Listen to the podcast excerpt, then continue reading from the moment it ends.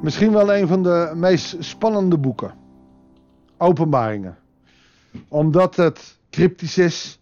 Omdat het lang niet altijd helder is wat er staat. Omdat het via symbolische taal gaat. Je moet goed begrijpen dat Johannes op Patmos gevangen zit.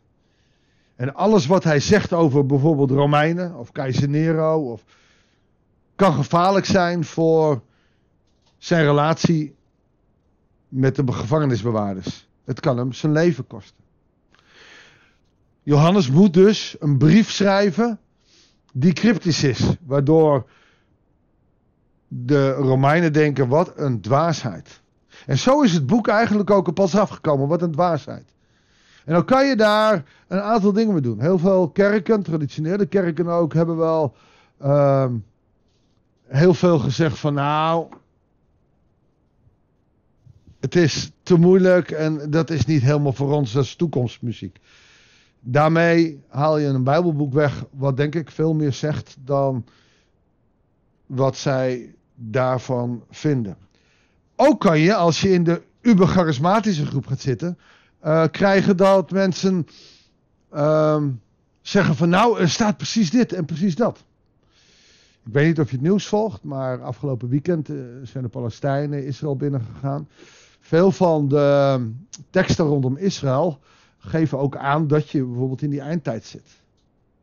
Toch moet je daar ook weer mee uitkijken, omdat niet alleen Israël, maar ook het hele christendom eromheen uh, een plek heeft gekregen. En dat je ook niet zomaar één op één kan zeggen: nu komt het of nu is het. Jezus heeft gezegd: het is aan mij. Niet, nee, het is niet aan jullie, het is niet aan mij, het is aan de Vader. Dus je kunt nooit wat berekenen. En daarnaast is het ook de cryptische taal. Nou, een van de dingen die we tegen gaan komen in de komende tijd als we uit de openbaringen lezen, is de getallen sequence. Het getal 3, de drie eenheid, getal 7, getal van de volheid, 4, de vier windstreken, eigenlijk het geheel. Zo komen we steeds getallen uh, tegen. Dat maakt het niet altijd makkelijk. Dat is het, hè, als je het nu hebt over duizendjarig rijk, dan pakken we het getal duizend weer. Ik denk dat er net iets anders staat, maar dat komen we dan vanzelf wel tegen. Nou, er zijn dus verschillende manieren waarop je naar openbaringen kijkt. Ik zeg dus niet, het is symbolisch en je moet het niet geloven. Nee, maar je moet het niet overschatten en niet onderschatten. En we moeten er heel nuchter naar kijken. Daarom vind ik het leuk om stukje voor stukje door het boek te gaan. En ook nu zeg ik het weer. Je hoeft het niet met mij eens te zijn.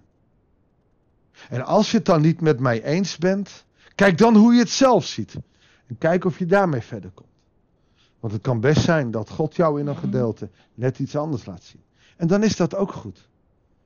Ik pretendeer niet de waarheid te spreken. De enige waarheid die we hebben is Koning Jezus. En Koning Jezus sprak door de profeet, oftewel door Johannes, de discipel, de apostel. En daar gaan we nu aan lezen. Goeiedag, hartelijk welkom bij een nieuwe uitzending van het Bijbels dagboek Openbaringen 1. Het is de openbaring van Jezus Christus die hij van God ontving om aan de dienaren van God te laten zien wat er binnenkort gebeuren moet. Nou, daar heb je het al, binnenkort. Al 2000 jaar wachten we erop. Binnenkort. Binnenkort wil betekenen dat je klaar moet staan alsof het morgen komt. Het roept je op. Het kan elk ogenblik gebeuren. Bovendien weten we dat één dag is als duizend dagen, duizend dagen als één dag. Dus binnenkort is voor God ook een ander perspectief. Maar het, het roept ons in ieder geval op, sta klaar alsof het morgen gebeurd is. Daarom worden dingen sterk geaccentueerd. Het gaat morgen gebeuren. Is het morgen niet dan overmorgen? Leef alsof Jezus morgen terugkomt. En dat helpt mij heel erg om te relativeren over de toekomstplannen die je wil hebben. Het maakt me niet naïef. Zo ik, ik steek me overal in de schulden, want het maakt niet uit, want ik kom. Nee, alles wat je nu doet, heeft ook nog weer zijn consequenties voor uh, het koninkrijk. Dus doe alles wat je doet voor de Heer, dan kom je een heel eind. Hij heeft zijn engel deze openbaring laten meedelen aan zijn dienaar Johannes.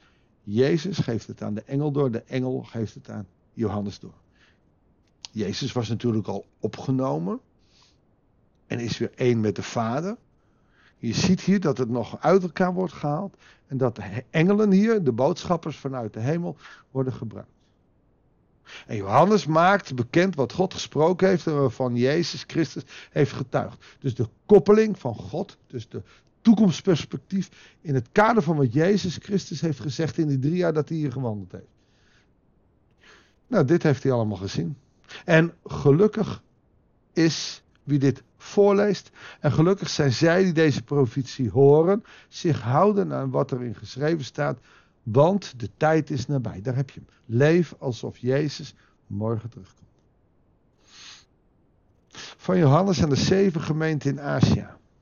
Krijg je meteen de vraag: zijn dat maar zeven gemeenten? Nee, eigenlijk staat hier aan alle gemeenten in Azië.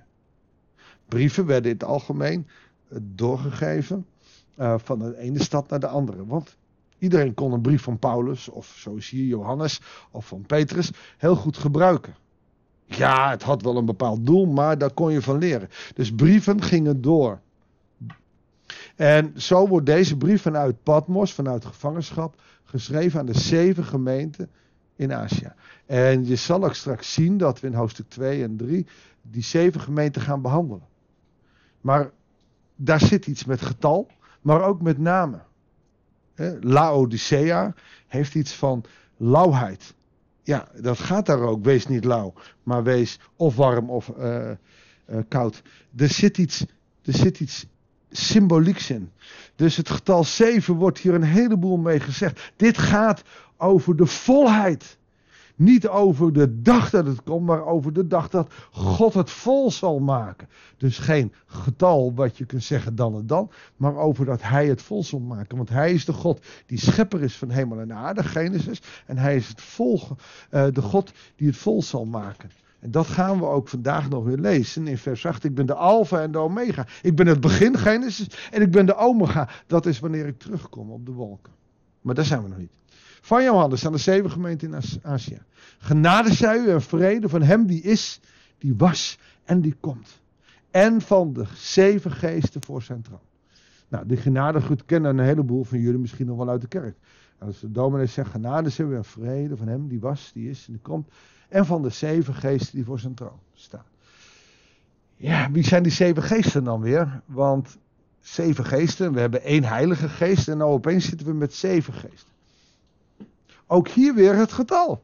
De volheid van de geesten, oftewel de Heilige Geest. Als er staat de zeven geesten, dan gaat het over de zeven geesten van de zeven gemeenten. Oftewel, dat zijn alle gemeentes, dus de hele groep, zeg maar, verbonden. En daarvan is één geest, namelijk de Heilige Geest.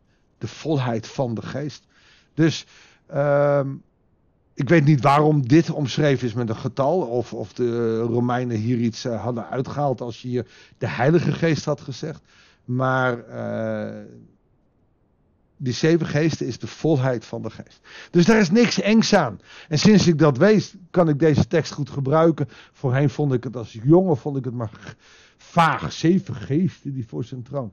Nou, en we komen dat ook nog tegen in uh, hoofdstuk 4, waar die zeven geesten ook nog een plek krijgen. En van Jezus Christus, de betrouwbare getuige, de eerstgeborene uit de dood, de heerser over de vorsten van de aarde. Aan hem die ons lief heeft en ons van onze zonde heeft bevrijd door zijn bloed.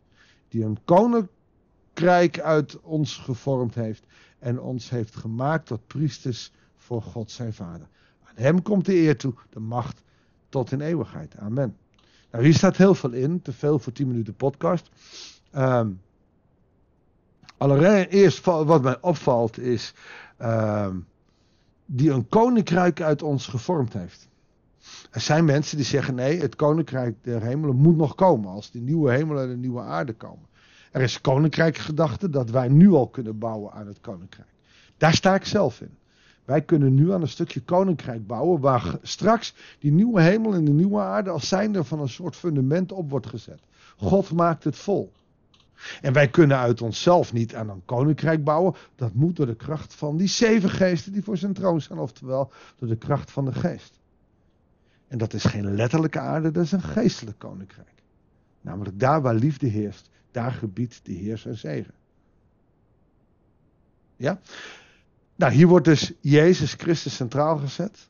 Dus de kerk dient christocentrisch te zijn. Dat is een hele duidelijke boodschap. Aan hem komt de eer toe. En de macht tot in eeuwigheid. Hier krijgt Jezus nog een keer de bevestiging dat hij koning is. En dan wordt er ook iets over gezegd. Hij komt met de wolken en dan zal iedereen hem zien. Ook degenen die hem doorstoken hebben. Dus de, de volgers, de gelovers en de haters, de vijanden.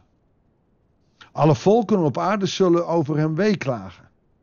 Oftewel, ze zullen medeleven hebben. We hebben hem vermoord. En dat is ook de christenen. Door onze zonde hebben wij hem telkens opnieuw gekruisigd.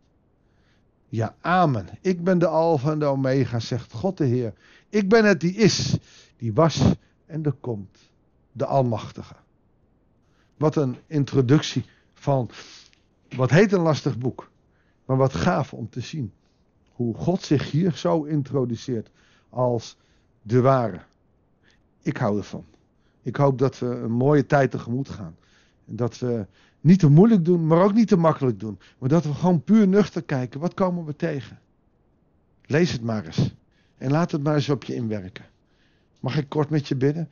Heere God, we gaan misschien wel lezen de toekomst. Een van de moeilijkste boeken uit uw woord. Omdat hij cryptisch is, omdat hij niet letterlijk is. Toch heeft u ervoor gezorgd dat hij in onze Bijbel komt. Dus hij heeft betekenis voor ons. Heer, wil ons helpen door de kracht van uw geest. Dat wij de diepte mogen doorgronden van wat u in deze teksten wil zeggen. Spreek tot onze hart als we erin lezen, als we erover nadenken. Heer, dat bidden wij u. Machtige naam van ons Heer Jezus Christus. Amen. Dankjewel voor het luisteren. Ik wens je God zegen. Veel leesplezier. En heel graag tot de volgende uitzending van het Bijbelsdagboek.